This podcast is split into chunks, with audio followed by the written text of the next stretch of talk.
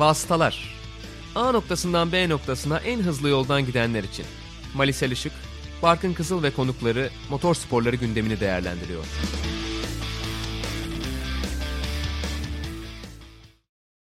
Vasıtaların 63. bölümüne hoş geldiniz. Bu bölümümüzde Pınar Annuranel ile beraber sizlerle olacağız. Ben Barkın Kızıl, Malisel Işık'la her zaman olduğu gibi mikrofonlarımızın başındayız. E, tabii ki Pınar Punto Podcast'te Cengiz Han Yıldız'la beraber ilk çizgi podcast'ini yapıyor. Ve bölümün başında da hemen şunu belirteyim. Punto ve Sokrates işbirliğiyle İstanbul Park'taki Türkiye Grand Prix öncesinde bir de sürprizimiz olacak diyeyim ve. Pınar'a da hoş geldin diyerek başlayayım. Hoş geldin. Hoş bulduk. Merhabalar. Nasıl keyifler? Hazır mısın İstanbul Park'a ve Türkiye Grand Prix'sine bir kez daha?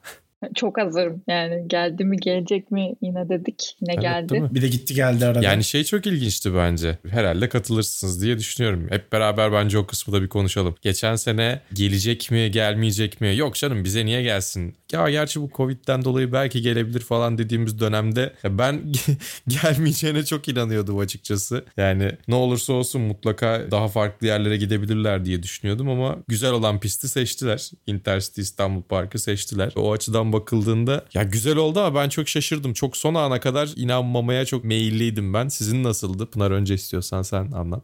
Ben açıkçası biraz bu seneki bu 23 yarışlık takvimi çok zorlamak istediği için aslında yönetim, F1 yönetimi olacağını düşünmüştüm. Ama Yok biraz 2020 için diyorum ben ilk baştan. Geçen seneden ilk aldım biraz daha için. geriden aldım. ben oraya dönemedim bile. ya 2020 için çok şoktu bu arada. Bu sene bence hepimiz bekliyorduk ve bir şekilde geleceğini düşünüyorduk ama 2020 için çok çok iddialı bir hareketti. Bir de pistin yetişip yetişmeyeceği konusu da çünkü çok kısa sürede aslında hazırlandı. O da ayrı bir challenge'tır muhtemelen. Sizin için de öyleydi Mali diye düşünüyorum geçen seneki çalışmalarda. E tabi evet esport olarak biraz piste gittikten sonra neler yaparız falan diye şey yaptık ama yani kısa süre içerisinde biz de iyi iş çıkardık. Kısa süre içerisinde pistte federasyonda ayrı ayrı hepsi güzel güzel işler çıkardılar. Yani kısa süre içerisinde oluyor tabii ki ama yani benim için dediğim gibi şaşırtıcıydı. Sen ne zamandan sonra böyle Aa, belki de gelebilir demeye başladın hatırlıyor musun? Zaten herhalde son 3 hafta kala netleşmişti. Değil mi? Ya çok kısaydı. Herhalde yani en fazla bir aydır benim için de o süreç ama ben de hiç şeydim yani yine çünkü bir ara hep şeydi ya gelecek gelecek gelecek önceki sezonlarda da. Evet o evet. yüzden ya bu sene de mi bir de Covid de daha çok hani algılamamıştık herhalde diye düşünüyorum yani nasıl bir şey olduğunu hayatımızın ne kadar değişeceğini. Hı hı.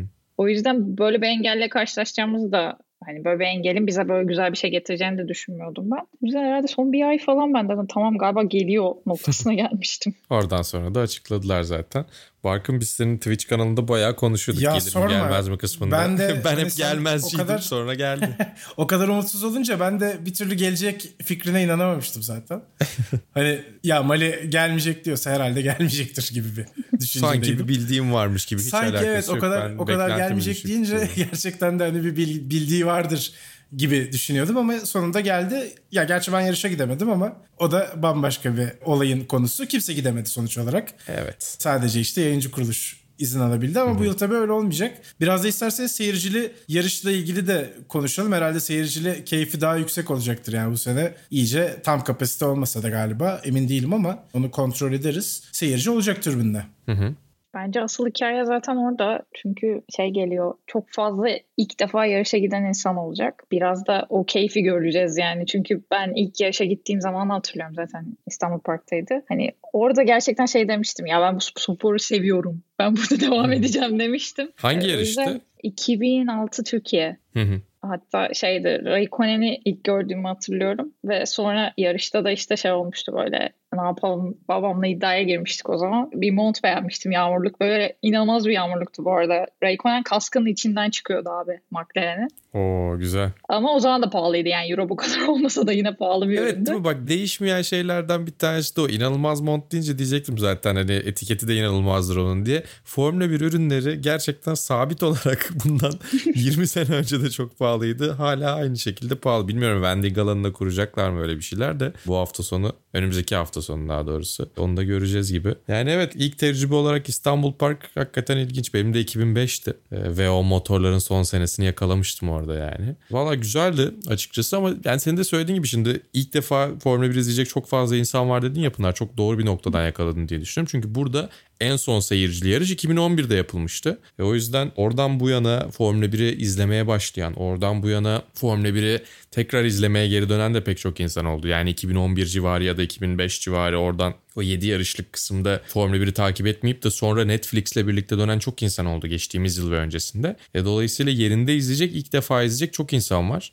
E, umarız onların keyif alabileceği güzel bir atmosfer olur. Ya bir de yeni bir jenerasyon geldi aslında. Hani son işte bu 7 yıllık anlaşma dönemine göre şu anda başka bir jenerasyon da Formula 1 izliyor. Zaten onlar doğal olarak ilk yarışlarını izleyecekler. Ben de 2005'te gittim bu arada. Hatta şeyi hatırlıyorum işte Schumacher bir problem yaşıyor ki yani ben ne kadar hayranıyım zaten biliyor herkes. Ön kanadını kırmıştı. Hı. Evet sonra piste döndükten sonra da bir süre sonra tekrar piste çıktı işte.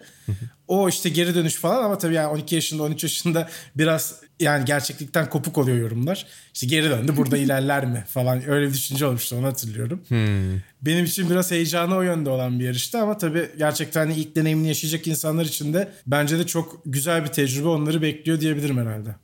Evet yani çünkü gerçekten insan ilk izlediği Formula 1 yarışını hatırlıyor ya da ne bileyim takip ettiği, sevdiği şeyi yakalıyor. Bir de dedin yani nesil olarak farklı diye pilotlar nesli olarak baktığımızda da yani burada Hamilton daha önce burada yarıştı. Raikkonen burada daha önce yarıştı. Vettel daha önce burada yarıştı. Alonso daha önce burada yarıştı. Onların dışındaki bütün pilotlar yeni. E, o anlamda bakıldığında... Ama geçen sene yarıştıkları için tabii yani ya tabii evet var. yani şeyden bahsediyorum. İstanbul Park'ın o aradaki bölümünde o eski ilk 7 yıllık bölümden bugüne kalanlar arasından bahsediyorum. O anlamda daha öncedeki yani 2020'den önceki bilgiyi buraya getirenler yani kuru pistte tutunmanın tam olduğu bir pistte hala o bilgiyi taşıyanlar eski pilotlar. Çünkü geçtiğimiz yıl sonuçta hem zemin şartları hem de yağmur şartları, hava şartları ile birlikte aslında İstanbul Park'la ilgili çok bu hafta sonuna, yarış hafta sonuna aktarılabilecek bilgiler de çok fazla yok gibi geliyor bana.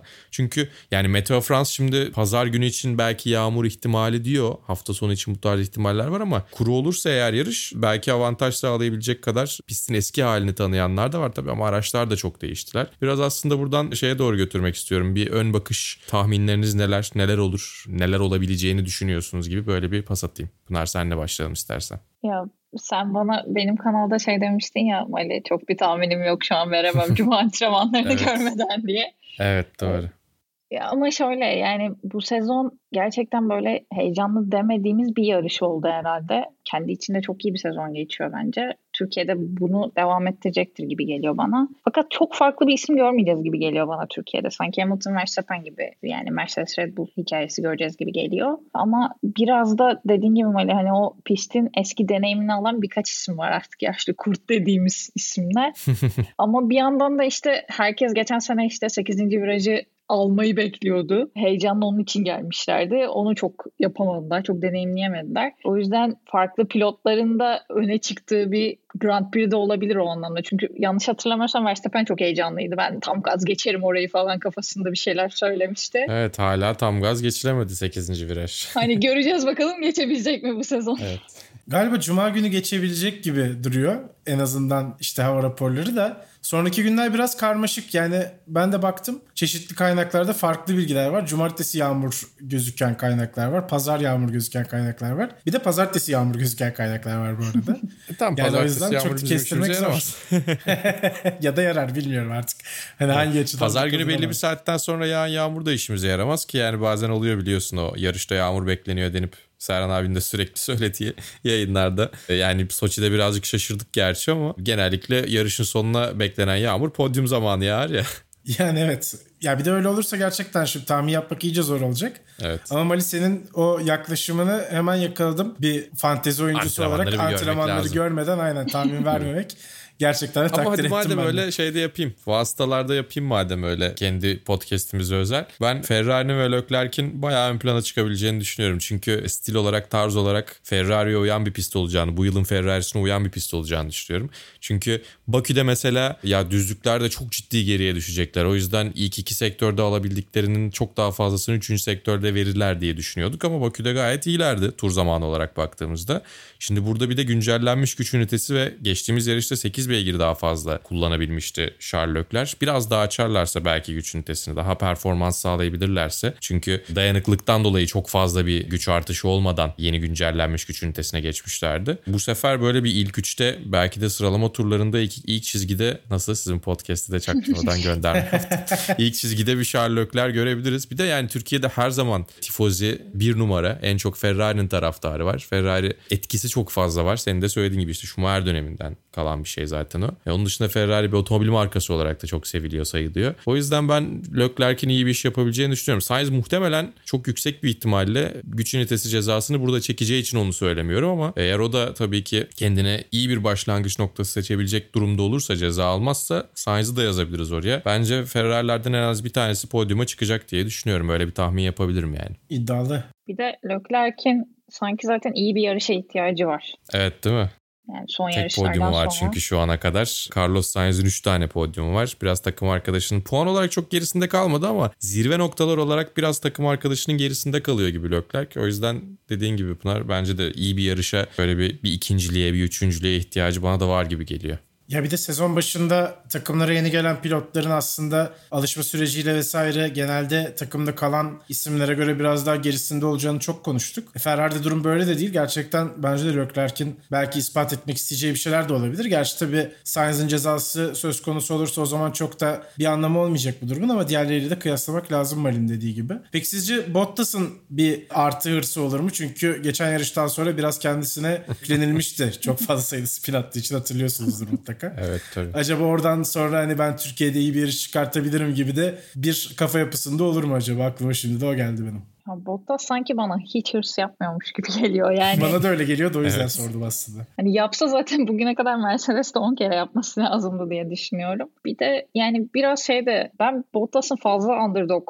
haline getirildiğini de düşünüyorum. Çünkü çok iyi bir yarış çıkardı mesela İtalya'da. Tabii yani McLaren'in zaferi çok önemliydi. O yüzden biraz gölgede kaldı ama hani Rusya'da hemen oklar ona döndü. İyi yarış çıkarırken kimse konuşmuyor. En ufak bir hatasında Bottas'a yükleniliyor. Biraz böyle günah keçisi noktasına taşındı F1'in. Yani tamam çok şampiyon olabilecek pilot değil bence. Öyle bir hırsı ve yeteneği olduğuna inanmıyorum açıkçası ama bu kadar söylenen kadar da kötü değil Bottas. Biraz psikolojik olarak sadece işte bu hırsızlığı yüzünden çok kaybettiğini düşünüyorum ben. Ya biraz şey var bence. Birebir ve pist üstü mücadelede çok güçlü bir isim değil. Tek turu çok kuvvetli. Yani Lewis Hamilton gibi e, pole pozisyonu rekoruna sahip ve tek turda gerçekten çok sağlam bir pilotu ya geçebilip ya da böyle çok yarım adım gerisinde veya belki aynı seviyelerde olduğu çok fazla sıralama turu var. Tek turda o yüzden bence bayağı iyi bir pilot Bottas. Ama da pist üstünde savunma yapması gerektiğinde ya da atak yapması gerektiğinde genellikle çok iyi bir pozisyonda görmüyoruz onu. Yine şeyi bir, bir kenara bırakıyorum. İtalya'da bence bu konuda da iyiydi. E Ama biraz onunla alakası var diye düşünüyorum. Özellikle tabii Mercedes'in sırf Verstappen'i tutsun diye Bottas'a taktik yaptırıp geriden başlatması ve Verstappen'in tek hamlede Bottas'ı geçmesi bu tarz şeyler birazcık göze batıyor. E pist üstü aksiyon daha akılda kalıcı aslında. Tek turda iyi bence Bottas'ta. Ama yani ben Pınar'a hakikaten katılıyorum. Çünkü Bottas'ın Alfa Romeo Sauber kontratını imzaladıktan sonra artık Mercedes'e bir borcu da yok. O yüzden çok ciddi bir hırsa sahip olur mu sanmıyorum. Ama şöyle bir şey olması gerekiyor bence en azından bu ya ben Bottas olsaydım bu beni ateşleyebilirdi. Formula 1'de bir galibiyet daha kazanmak isteyecektir. Çünkü muhtemelen son galibiyeti olacak. Çok ekstrem bir şeyler olmadığı sürece önümüzdeki yıllarda. 2020 Rusya'dan beri yarış kazanmıyor. En azından son senesinde Mercedes'te bir galibiyetle sezonu kapatmak isteyecektir. O yarış Türkiye Grand Prix'si olur mu emin değilim. Açıkçası Mercedes'in soğuk havada lastikleri ısıtamaması etkenlerden bir tanesi Valtteri Bottas'ın zayıf performanslarına baktığımızda. Hava şartları ve hava sıcaklıkları çok etkiler diye düşünüyorum. Ama tabii ki ya Bottas'ın biraz performansı şeye bakıyor. Instagram'da kötü yorum gelirse belki bir iki yarışlık kendisine gaz bulabilir. Onun dışında sene sonuna kadar dediğim gibi yani hani iyi bir yerde denk getirirse yarış kazanabilecek potansiyeli her zaman var. Ama gününde olmadığı zamanlar daha fazla hale geliyor. O da tabii ki spor psikolojisiyle alakalı bir şey. Çok da kolay değil yani. Hani bir taraftan anlamak gerekiyor. Ama bir taraftan da beklentilerin altında kalıyor. Ya bu arada ben de bir tahmin yapayım hadi madem. Yani konu çok dağılmadan. Bottas'ın tek tur performansının daha iyi ama yarış performansının daha düşük olduğunu söyledim. Bu anlamda biraz... tek tük performans da yanlış olmadı bu arada.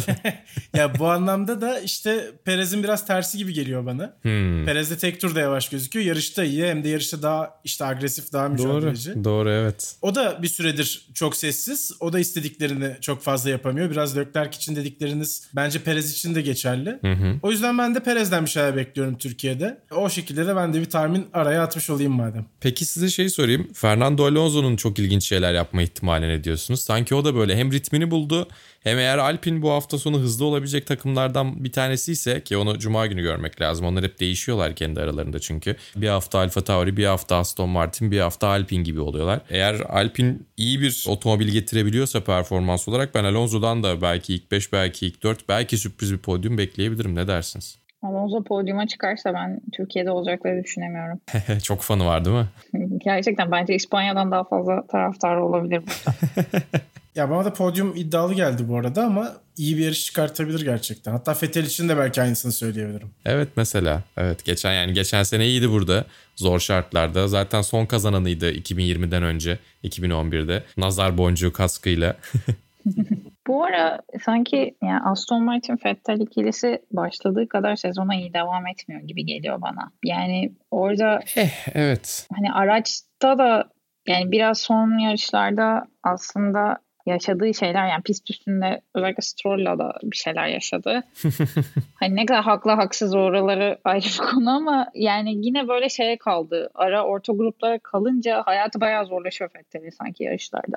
Evet çok alışkın olmasına rağmen aslında yani hani zaman zaman orta sıralarda ya da mücadele konusunda pistin iyi pilotlarından biri olmasına rağmen zorlanıyor. Aston Martin'in biraz şöyle bir durum var gibi. Onlar daha uzun vadeli bakıyorlar. O yüzden kısa vadeyi çok arka plana atmış gibi duruyorlar. Tabii şimdi burada Alfa Tauri ve işte Alpine'in önünde sezonu bitirmeyerek onların arkasında bitirerek kaybettikleri para onlar için çok dert değil. Özellikle Lawrence Stroll'un derin cepleri sayesinde. Ama buradan kazanacakları önümüzdeki yıl için kullanabilecekleri ekstra ekstra rüzgar tüneli saatleri belki onları yeni bir dönemde çok daha iyi bir yere getirebilir. Yani tam anlamıyla basketbol tabiriyle tanking değil ama e, yine de ya yani bunun da olumlu tarafını görüp çok fazla zorlamıyor olabilirler. Çünkü 2022'ye odaklanmış çok fazla takım var. Yani belki Mercedes Red Bull dışında herkes artık 2022'ye odaklanmış durumda ki onlar bile belli bir kısmını bütçelerinin ayırıyorlar. Bütçe kısıtıyla daha zor olmasına rağmen. O yüzden belki Aston Martin'de öyle bir durum vardı. Şimdi Martin Whitmarsh'ı getirdiler ki böylece Martin Whitmarsh'ın hayatta olduğunu öğrenmiş oldu.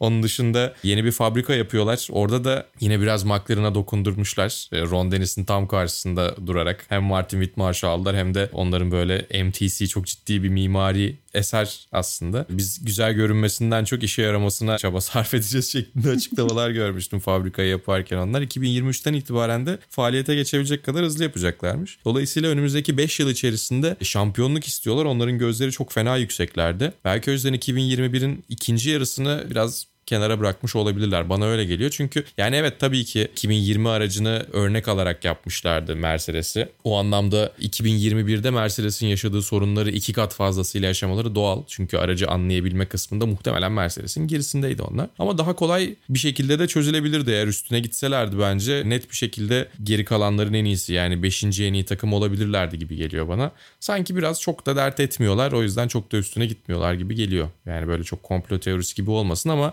yani şu anki durumda da acayip zararlı değiller. Çünkü 2022'de kazanabilecekleri şeyler var burada kaybettikleriyle. Ya bence bunu biraz şu destekliyor bu arada. Yani şu an rekabet halinde oldukları en yakın rakipleri Alfa Tauri ama Alfa Tauri'de aslında bir tek Pierre Gasly'nin üstünden işliyor neredeyse. Hı hı.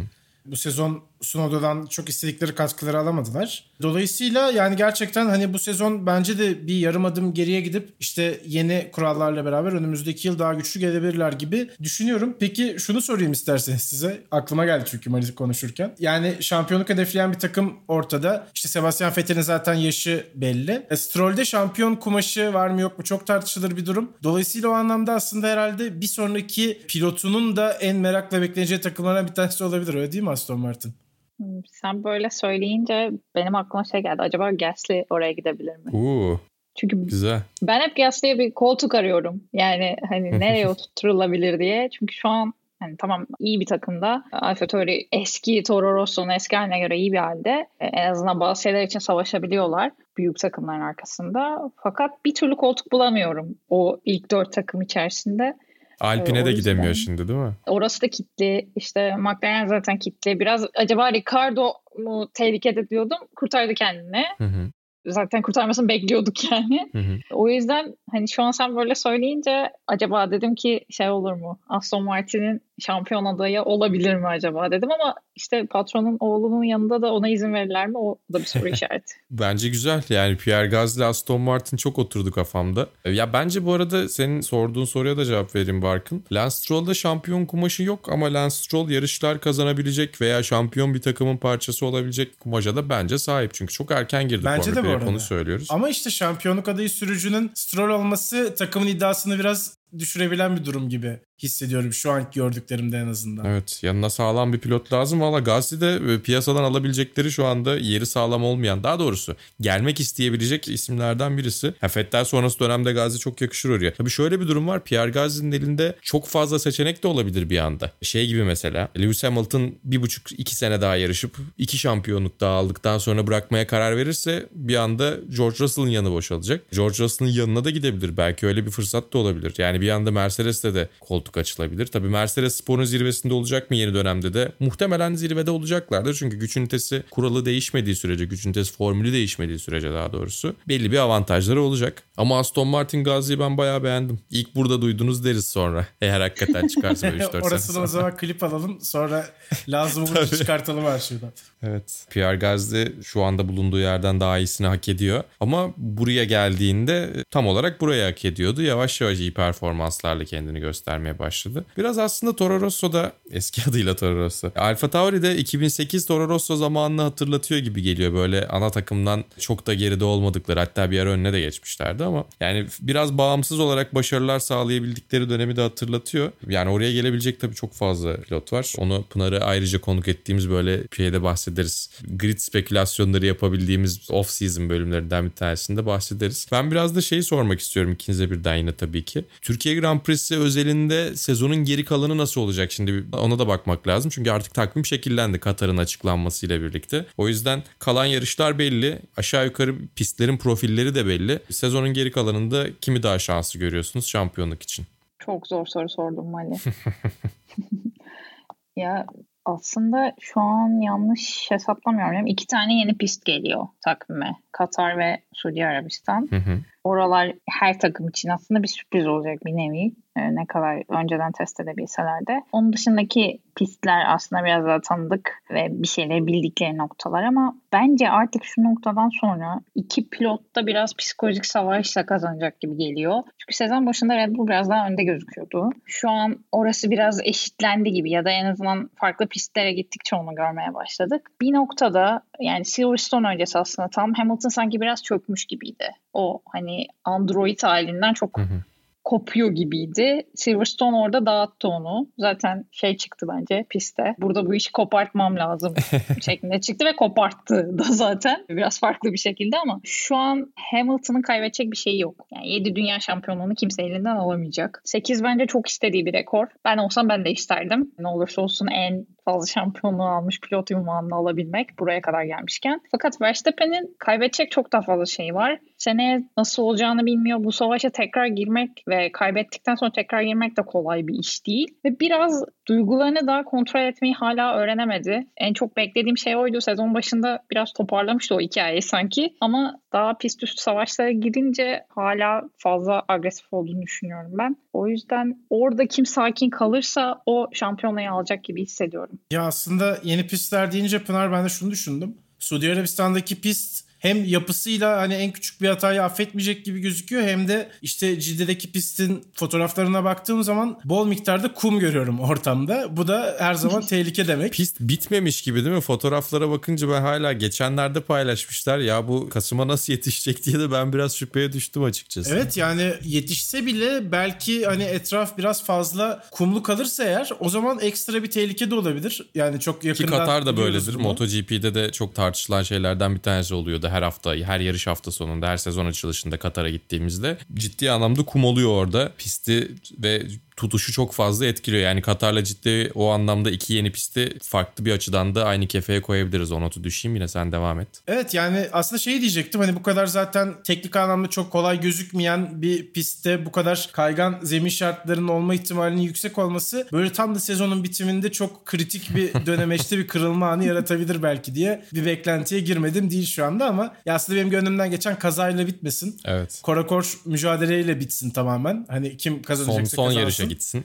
Evet yani birisinin yarış dışı kalmasıyla şampiyon orada bitsin istemem. Ama bu da bir ihtimal gibi nedense gözümde bir anda canlanıverdi takviye baktığım zaman söylemek istedim sadece. Şimdiye kadar kaç kere yan yana geldiler. İki kez Üst ciddi üste de anlamda geldiler kaza yaptılar. Üst üste her şekilde değil mi? evet, Yani biraz öyle oldu sezon. Evet yani çünkü hani temastan veya ciddi kazadan kaçtıkları da oldu defalarca. Imola onlardan bir tanesiydi. Bence şeyde de çok yaklaştılar. Bahreyn'de bile yani kazayla yani kazayla sonuçlanabilecek çoğu şekilde yan yana geldiler. Artık bir yerden sonra ikisi de geri durmamaya başladılar. Silverstone onların ilkiydi. İtalya ikincisiydi. Ama bence sonuncusu değildi ne dersiniz? Bir daha sanki yine dokunacaklar, çarpışacaklar, bir şeyler olacak gibi hissediyorum ben yine. Peki üçüncüsü Türkiye olur mu? Bir de ben de onu atayım araya. Hmm, olabilir. Güzel. Bu iki soruyu birleştirip o zaman Pınar sana dönüyorum. Ya bence kesinlikle bir daha çarpışacaklar. Ben sadece bu kadar yani Silverstone'dan sonra bu kadar hızlı beklemiyordum. Yani Hmm. hızlı olmasını beklemiyordum açıkçası. O yüzden sezon sonuna kadar korkuyorum da bu arada. Yani birbirlerine zarar verecek bir noktaya geldiler çünkü artık. O ürkütüyor biraz. Ee, O yüzden yani gülüyorum ediyorum ama bu şakası da kalmadı gibi sanki. Çünkü ikisi de çok yani hep Verstappen'e şey geçiyoruz ya işte genel olarak çok agresif bir pilot. Daha haşim bir pilot daha şey düşünmüyor. Hani plan yapmadan yarışıyor ve aslında bu özellikleri sayesinde seviliyor ama Hamilton'da ondan aşağı kalır çok yanı yok. Yani o da ya hatırlarsınız tabii ki de işte yani çok ciddi savaşlara girdi öncesinde. Hani Mercedes'e gelmeden önce de çok büyük şampiyonlarla kafa kafaya çakışmış bir isim. O yüzden de o halleri beni biraz şey yapıyor yani her an her yerde çarpışabilirler gibi geliyor. Artık sezon sonuna kadar bir değil iki tane bile görebiliriz gibi geliyor bana o yüzden. Ya bana da şöyle geliyor şimdi geçmiş savaşları evet Hamilton'ın doğru kesinlikle ama son yıllarda da hiç zorlanmaya alışkın değil. Pist üstünde yakalanıp geçilmeye alışkın değil. Ee, hatırlayacaksınız garibim Albon'a iki kere patlamıştı o olaylar. evet doğru. Yani Hamilton'ın özellikle Verstappen'in arkadan gelip geçmeye çalıştığı anlardaki agresif tutumunun da ben kaza konusunda çok işte davet edici olabileceğini düşünüyorum. Ben de en azından bir temas bekliyorum bu arada ikili arasında. Ya işte dediğim gibi o temaslardan biri sağa çıkıp biri yarışa veda ederse o zaman biraz tadı kaçabilir durumun. Daha önce gördüğümüz gibi. Şu an çünkü yakınlar ve iyi gidiyor. E ama ikisi birden bitiremez ya da ikisi birden devam ederse çok tatlı olur o zaman. O zaman yani zaten biraz da o dramayı istiyoruz açıkçası. En azından ben istiyorum bilmiyorum siz ama. Evet yani yarışa birinci ve ikinci sırada başlarlarsa ilk virajda dahi olabilecek bir şey hatta bu. Yani işte burada tabii iki çok yetenekli pilottan bahsediyoruz bir de. Bu ikili arasında bile bol bol olabiliyor. O da aslında ne kadar anlık kararların etki ettiğini gösteriyor herhalde diyeyim son olarak. Evet yani çünkü İstanbul Park ilk virajda olayların mümkün olduğu hem kuruda hem ıslakta olabildiği bir pist. Valla yani olabilir niye olmasın çünkü olaysız bir yarış olacağını hiçbirimiz düşünmüyoruz ilginç bir şekilde. Pekala olabilir aslında ama niyeyse İstanbul Park kesin yine takvimin yılın hatırlanan yarışlarından biri olur gibi düşünüyoruz. E, O yüzden herhalde öyle bekliyoruz açıkçası. Yani tabii ki geliyor olması bile yeter. Yani nasıl bir yarış olduğu tabii ki önemli ama iki sene üst üste geliyor olması bile bence bizim için çok güzel bir şans. Önümüzdeki yıllardan itibaren gerekli şartlar oluşursa umarız tabii ki yine Intercity İstanbul Park takvimde kalabilirse ya da uzun vadeli bir şeyler anlaşılabilirse süper olur. Ama belki Covid sürecinin biraz daha uzayabildiği bir dönemde Singapur Grand Prix ile alakalı hala muallak bir durum ortaya çıkarsa bize bir kez daha başvurabilirler. Böyle bir hani bu şey içerisinden 3 sene arka arkaya yarış çıkarmış olabiliriz. Böyle şeylerin de olma ihtimali var. Ben bir de tabii ilk sene az önce de bahsettiğim gibi gelmez gelmez dedikten sonra bu sene kesin gelir canım bu sefer. Bir tane yarış iptal oldu mu sırada biziz falan diye bakıyordum. Öyle de oldu. Sonra biz iptal olduk. Bir daha geldi falan. O süreç böyle bir yine çalkantılı oldu ama bir şekilde geldi çattı. Zaten kırmızı listeden çıktıktan sonra da iyice rahatladı. Çünkü arkasına bir hemen arkasına bir şeyler yapmak zorunda kalmamakla birlikte çok daha rahatladı her şey. O yüzden heyecanla bekliyoruz. Yani ben çok mutlu bir şekilde bekliyorum. Koştur koştur bir şeyler de yapacağız, çalışacağız da. Ee, Biz konuyu şeye getireceğim. E aslında öncesinden de çalışmalara başlamış olduk. Esport olarak zaten başladık. Pınar da kendi YouTube kanalı için pistteydi. Beraber pistte vakitte geçirdik. Onun işte kanalına konuk da olduk. Son viraj sunucumuz Sera ile birlikte. Aynı zamanda o da bize konuk oldu. Güzel böyle bir kısa röportajımsı bir şey pist turuyla birlikte. Onu da hafta boyunca yaptığımız yayınlarda Esport'ta yer vereceğiz. Güzel oldu, tatlı oldu. Piste çıkmakla alakalı bir şeyler sormak istiyorum. Neler hissettirdi sana? Böyle bir yarış geliyor havasına giriyorsun değil mi piste bir ilk çıktığında? Çok keyifli. Yani herhalde bilmiyorum Türkiye'de kaç kişi piste çıkmıştır. O yüzden ayrıca şanslı hissediyorum tabii ki kendimi. Hı hı. Ben bir kere bir iş toplantısına gitmiştim. Öyle bir kere çıkma şansım yani kendim sürmedim de Hı hı. hatta Jason Tayıncıoğlu sürüyordu onun yanına oturma şansım olmuştu. Fazla hızlıydı o zaman hani o onu da tatmıştım. Tabii çekim için güvenli olması adına yavaş gittik ama yavaş gitmek ayrı bir keyifliydi bu arada. Daha böyle bir etrafa bakabildim. Hı hı. Daha çok yaşayabildim pisti. Çok keyifli yani şeyi düşünüyorum işte 2006'da ilk gittiğim yarıştan sonra şimdi üstüne o kadar sene geçtikten sonra orada o şekilde olabilmek Hı hı. çok ayrı duygular yaşatıyor bana. Yani zaten ara verdiğinde hepimiz üzülmüştük. Yani ben şeyi çok iyi hatırlıyorum 2011'de pisti terk ettiğimiz noktayı. Yani oradaki duygularla şu an tabii ki geçen sene geri gelmesi, şu an bu sene böyle şeyler yapabiliyor olmamız pistte çok değerli geliyor bana. Hani umarım da takvimde kalmaya devam ederiz. Biraz zor gözüküyor Covid olmazsa ama yine de umutlarımızı bırakmıyoruz diyeyim. Çünkü elimizde bir tek o oluyor genelde. Ya evet bu arada gerçekten hani bu artık takvimde yerimizin çok kesinleşmiş ve belli olduğu günleri ben de çok istiyorum. Hani nasıl her sene Monza var, her sene Silverstone var artık her sene İstanbul Park'ta olsun. Şöyle bir rahat edelim. Hani her çünkü bu podcastleri yaptığımızda her ya da sohbet ettiğimizde e işte bu sene de var ama önümüzdeki yıl ne olacak belli değil. Son defa olabilir mi? Çok uzun süre görmeyebilir miyiz? Sürekli böyle bir ufak buruklukla konuşuyoruz ne olursa olsun. Yani öyle hani tadı belki daha çok çıkıyor olabilir. Çünkü ender olduğu için ama takvimde sürekli yer almak da bambaşka olur. Keşke takvimde sürekli yer alsak. Buradan sesleniyorum. Yetkililere duyurulur. Gerçekten öyle. Ya tabii bir taraftan şey de var. Yani önümüzdeki aylar içerisinde Formula 1 ve otomobil sporları dünyası ciddi anlamda da bir değişimden geçebilir. Çünkü FIA seçimleri olacak tabii ki. Jean Todt bir tarafta aday. Diğer tarafta zannediyorum yanlış hatırlamıyorsam eski rally pilotlarından Muhammed Bin Sulayem var. Orada da ciddi bir eksen değişikliği olma ihtimali var tabii. Bir taraftan yine Suudi Arabistan destekli bir yatırımın Formula 1'i satın alma niyetinden bahsediliyor. Liberty Media çok ciddi kar edecekse elden çıkartılabilir veya daha değerlendirebiliriz diyebilir onu bilmiyoruz ama farklı bir eksen değişikliği de olabilir şimdi. Katar'ın da sürekli bir şekilde takvimde olacak olmasıyla birlikte 2023'ten itibaren 10 yıllık çünkü 2022'de Dünya Kupası'nı düzenleyecekler. 2023'ten itibaren de 10 yıllık böyle o prestiji, sportif prestiji Formula 1 üzerinden tanımlama kararı almışlar. O yüzden o eksen değişikliği içerisinde biz nereye düşeceğiz? Orada bir fırsat çıkar mı? O fırsatı nasıl değerlendiririz falan bunlar da önemli gibi geliyor. Ya ama dediğim gibi yani ne olursa olsun burada geçtiğimiz yıl bir yarış olması, tarihi bir yarış olması, bu yıl tekrar geliyor olması bunların hepsi benim için çok yeterli ve beni çok mutlu ediyor. Ya Mari sen şey dedin ya biz yarışta hep olay bekliyoruz işte sıkıcı bir yarış olacağı çok aklımıza gelmiyor diye. Yani gerçekten hani ben öyle bir ihtimalin olacağını bile düşünmüyorum bu arada. Hani şimdi şöyle bir etraflıca da düşündüm. Yok diyorum hani yine de kesin bir şeyler olacak bizim yarışımızda. Öyle de bir güzelliği var bence.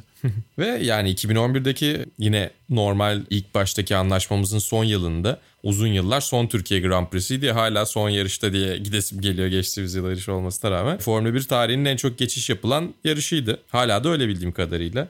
Geçen tabii ki sene de Hamilton en iyi, en zor ve en keyifli yarışım dedi mesela. Yani Evet. bütün veriler Sıradan her şeye o ankette gösteriyor. Türkiye Grand Prix'si demişti işte arka arkaya sorduklarında. Zaten fanlar takvimin en iyi yarışı dedi. Yani Netflix hariç herkes kıymetini bildi.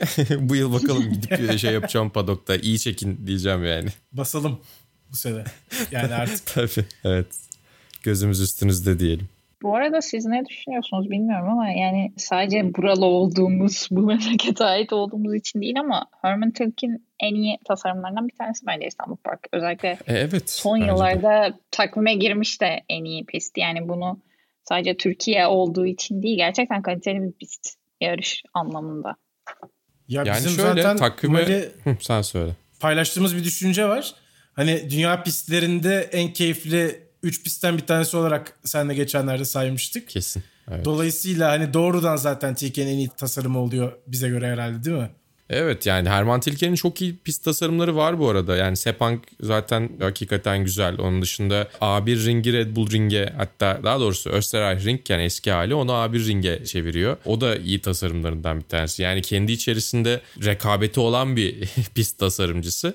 Ama bence İstanbul Park en çok ruha sahip pist tasarımı diyebilirim Herman Tilke'nin. Ki zaten 8. virajın o çok apexli hali onun bir imzası haline geldi. 8. viraj çok popüler olduktan sonra bir benzerini Kota'da yaptı. Şimdi işte 2023'ten itibaren Igora Drive St. Petersburg Rusya Grand Prix'sini devralacak. Oranın bir kısmını değiştirip yine benzer 8. viraja benzer bir şey koyuyor oraya. Ama yani takvime bir seferlik gelen pistler veya işte takvime gelen son zamanlarda gelen en iyi pistler konusunda da rekabet çok arttı. Geçtiğimiz yılki tek seferlik pistlerle.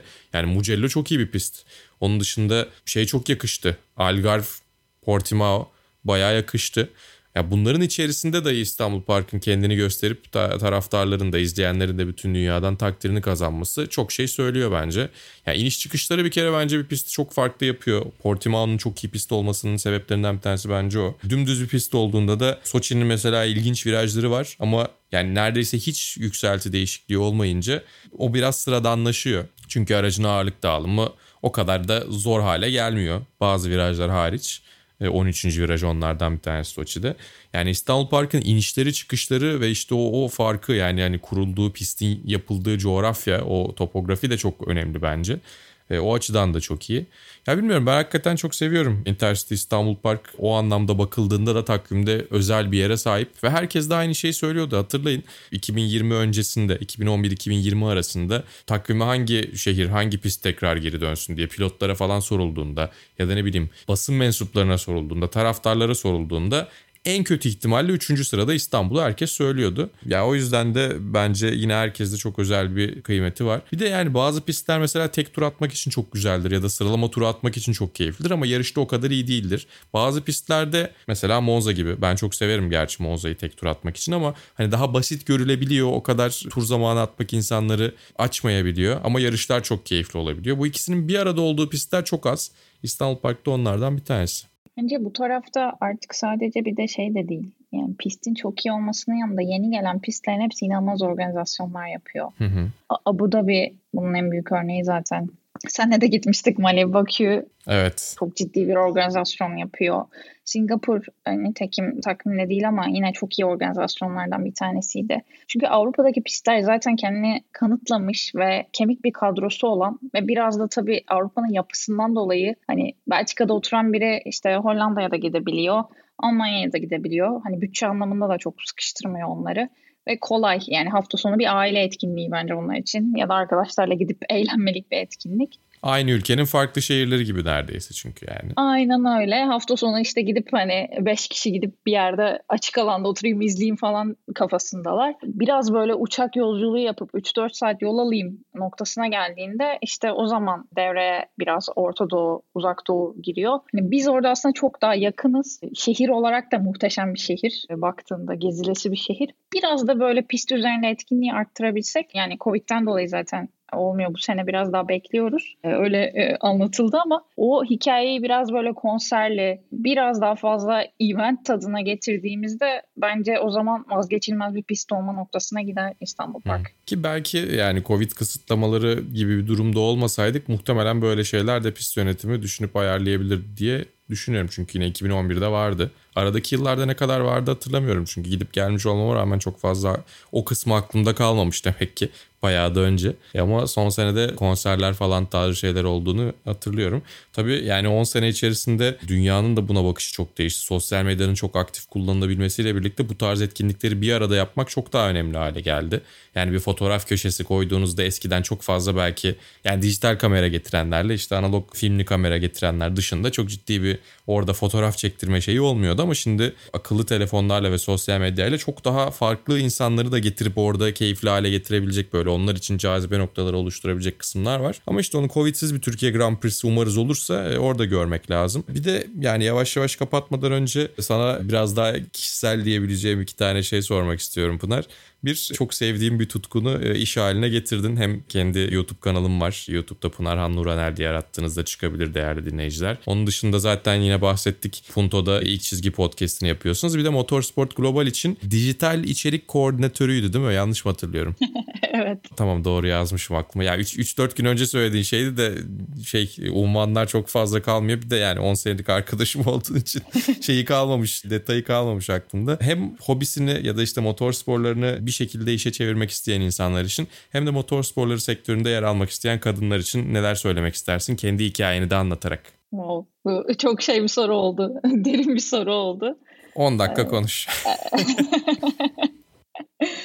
ya bunun keyfini anlatmak çok zor. Açıkçası çok çok uzun süredir istediğim bir şeydi. Yani Mali sen beni çok uzun süredir tanıyorsun evet. zaten. Hı-hı. Bunu ne kadar istediğimi de biliyorsun çok daha farklı yollardan gittim bir de. Ama hep kalbimde aklımda olan şeydi. YouTube hikayesi biraz daha erken başlamıştı. Fakat işte bence sosyal medyada ya da herhangi bir içerik dünyasında en önemli şey devamlılık. Onu o dönem tutturamamıştım ya da çok ciddiye almamıştım. Ama bazen bazı şeylerin vakti var gibi geliyor işte o da o, o hikayelerden bir tanesiydi bence. Geçen sene işte Türkiye Grand Prix'si geldiğinde dedim ki ben bu işe gireceğim ve devam edeceğim diye. Gerçekten her hafta yeni bir içerikle geldim kanala olduğu kadarıyla ve çok da bu konu hakkında... Hem İngilizce hem Türkçe onu da söyleyelim. Evet İngilizce ve Türkçe olarak yani İngilizceyi de arttırma niyetim var bu arada biraz daha globalde de çünkü çok ciddi kanallar yok var ama hani Hı-hı. diğer konulara göre Formula 1 ve motor sporları hala niş kalıyor YouTube'da. Ben de biraz açıkçası hazır böyle bir diversity konusu varken neden olmasın böyle bir kanal noktasındayım. Fakat işte biraz da böyle bir deneyim olmadığı için yani ekrana çıkmak, bu şekilde podcast yapmak tabii ki benim için çok çok yeni challenge'lardı. Aynı şekilde yaptığım işte şu anda Motorsport TV tarafında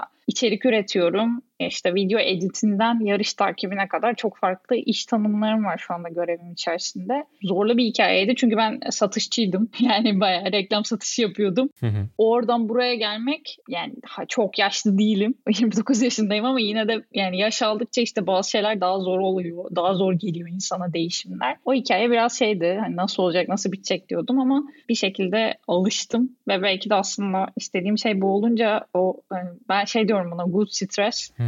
Yine stresli bir iş. Rekabet çok yüksek fakat bir şekilde iyi bir stres yine de mutlu oluyorum. Ara ara hatırlatıyorum kendime. Kızım çalışıyorsun işte burada diye. Kadın olarak burada olmak ya ben bu konuyu çok hiçbir zaman şey yapmadım. Kendime cinsiyet bariyerleri koymadım. Çünkü yani bu konuda bence çok iyi olan kadınlar da var, erkekler de var. Bu kalıpları biraz toplum koyuyor. Hmm. Ben hiçbir zaman şey demedim kendime. Kadın olarak zorlanacaksın diye ki yani sen de bu isimlerden bir tanesisin. Çok beni çok destekleyen bu sektörün içinde hmm. erkekler de oldu, kadınlar da oldu.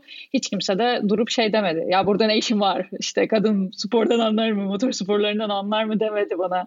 Evet motor sporları çok öyle bir yer değil galiba. Fanatizmin nispeten daha az olduğunu gördüğümüz yerlerden biri olduğu için. Ama yine de sonuçta belli zorlukları da vardır diye düşünüyorum. Tabii ki her zaman sınanıyorsun. Bir de belli kalıp beklentiler oluyor. Yani ben mesela reklam mezunuyum. O yüzden her zaman beni şey daha çok çekti. Yani işin pazarlama kısmı, sponsorluk hmm. kısmı, belki biraz psikolojik kısımları. Bu iş nasıl pazarlanıyor? Pilotlar neler konuşuyor, neler konuşmuyor kısmı. Hani beklenti biraz daha şey olabiliyor. F1 deyince özellikle Türkiye'de. Hani teknik teknik konuşmak, biraz daha böyle şey konuşmak gibi. O kalıplara dediğim gibi çok yaklaşmaya çalışmadım. Yani ben yapabildiğimi ve mutlu olduğum şeyi konuşuyorum. O yüzden de yani iyi ki de yapmışım bu arada. Çünkü iş görüşmemde de bana hiç şey sormadılar. Bu işi seviyor musun? Ya da işte video editleyebiliyor musun diye. Çünkü YouTube benim için şey olmuştu adeta yani. Bir referans noktası oldu. Hani direkt sadece böyle çalışıyoruz buna uyar mısın noktasına geldi aslında. Hı hı. Ya peki sence ön yargı durumu söz konusum aslında Mali de biraz sordu ama ben de biraz açayım ki biraz da dikkat çekmiş olalım. O konuyla ilgili ne söylemek istersin? Ya var, e, yok değil. ya dediğim gibi sadece ben beni ele geçirmesine izin vermiyorum o yargının ama herkes bu noktada da olmayabilir kafa olarak. Genel olarak kadınlar işte pilotları yakışıklılıkları için seviyor diye daha küçükken daha çok vardı bu arada. Yani bununla büyüdüm aslında. İşte pilotlara aşıksın o yüzden takip ediyorsun diye ben hep şey diyordum o zaman. Abi yani yakışıklı bir adam arasaydım bu kadar zor bir şey seçmezdim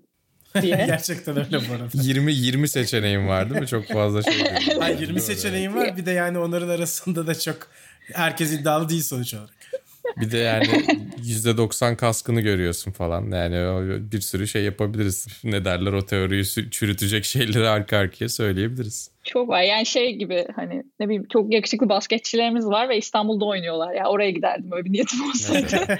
hani başka ülkelere gitmeye kalkmazdım bu iş için. Ama yani tabii ki oluyor. Bir de şey de ya bir şekilde hep üste çıkma hikayesi. Hani ben daha çok biliyorum, ben daha çok hmm. seviyorum noktasına getiriliyor. Orada da işte bir yerden sonra takmamayı öğreniyorsun. Bir de açıkçası yani son dönemde gerçekten iyi rol modeller de var. Yani çocuğuyla piste giden de var. Çünkü ya beni sadece motor sporları da değil. Yani bir kadın olarak iş hayatında olmak da zor. Ne kadar her şey işte kurallar, kitaplar dahilinde, insan kaynaklarının koyduğu şeyler dahilinde ilerlese de o yüzden motorsporlarında da çok farklı değil ama çok güçlü kadınlar da var şu anda. Onları görmek de ayrı bir motive ediyor açıkçası. Yani hatta Türk bir kadın da var şu an McLaren'de Emel Hanım, Emel Cankaya. Hı hı. Yine Alfa Tauri'de de var zannediyorum yine bir mühendisimiz. Evet, evet. Ee, ismini şu anda çok özür dilerim hatırlayamadım ama hatta yani yaş olarak da genç biri. O yüzden yani demek ki yapılabiliyor, oluyor. E, sadece pes etmemek gerekiyor. Bir de yani benim en çok açıkçası bu süreçle ilgili... Ben söyleyeyim hemen ufak bir arama telefonundan şey yaptım. Vuslat Odabaşı Scuderi Alfa Tauri'de mühendis olarak çalışıyor da. Onun dışında tabii ki yine motor sporlarında önemli örnek isimler oluyor. Bunlar zaten genelde ön plana da çıkıyorlar. Ama yani senin de söylediğin gibi fazlalaşıyor olmasının da e, yolu bir şekilde önü bir şekilde açılıyor diye düşünüyorum. Yani o yüzden bence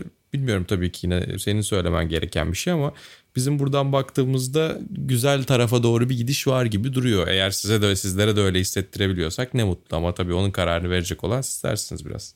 Çok takılmasınlar böyle hedefi olan birileri varsa bizi dinliyorlarsa çok takılmasınlar açıkçası cinsiyet konularına. Seviyorlarsa sevdikleri işin peşinden koşsunlar. Bir de çok böyle imkansız diye düşünmemek gerekiyor bence. Ben şu an sonuçta mesela Türkiye'den çalışıyorum. Bir yere gitmem bile gerekmedi. Hı hı. Çok büyük bir motor sporları bünyesi içerisindeyim. O yüzden hani şey yapmasınlar, mail atmaktan, iş başvurusu yapmaktan asla çekinmesinler. Evet bir şeyler öğretiyor. Hı hı. O yüzden işte diyorum ya limitlere çok takılmamak gerekiyor. Türkiye'den de oluyor, kadın olarak da oluyor. E, yeter ki e, pes etmemek. Yani benim bu noktaya gelmem bu arada 15 senedir izliyorum bu sporu ve yaklaşık 5 senedir iş hayatındayım. Daha önce böyle bir şeye ulaşabildim. Hani bundan sonrası hikayenin nasıl olur bilmiyorum ama biraz işte vakit gerekebiliyor bazen. Evet hiçbir şey de çok kolay olmuyor demek lazım herhalde. Gerçekten o çabayı göstermek lazım. E, o şekilde de kapatalım. Vasıtalar 63. bölümünde Pınar Nuranel ile beraberdik. Çok teşekkürler Pınar. Tekrar bekleriz diyelim. Hatta İyi kayda da geçsin diye yayını kapatmadan tekrar bekleme dileğimi de iletmiş olayım. Bu şekilde de vedayı edelim. Artık Türkiye Grand Prix'de çeviriyoruz gözlerimizi. Bir sonraki bölümde tekrar görüşünceye dek hoşçakalın. Hoşçakalın. Görüşmek üzere.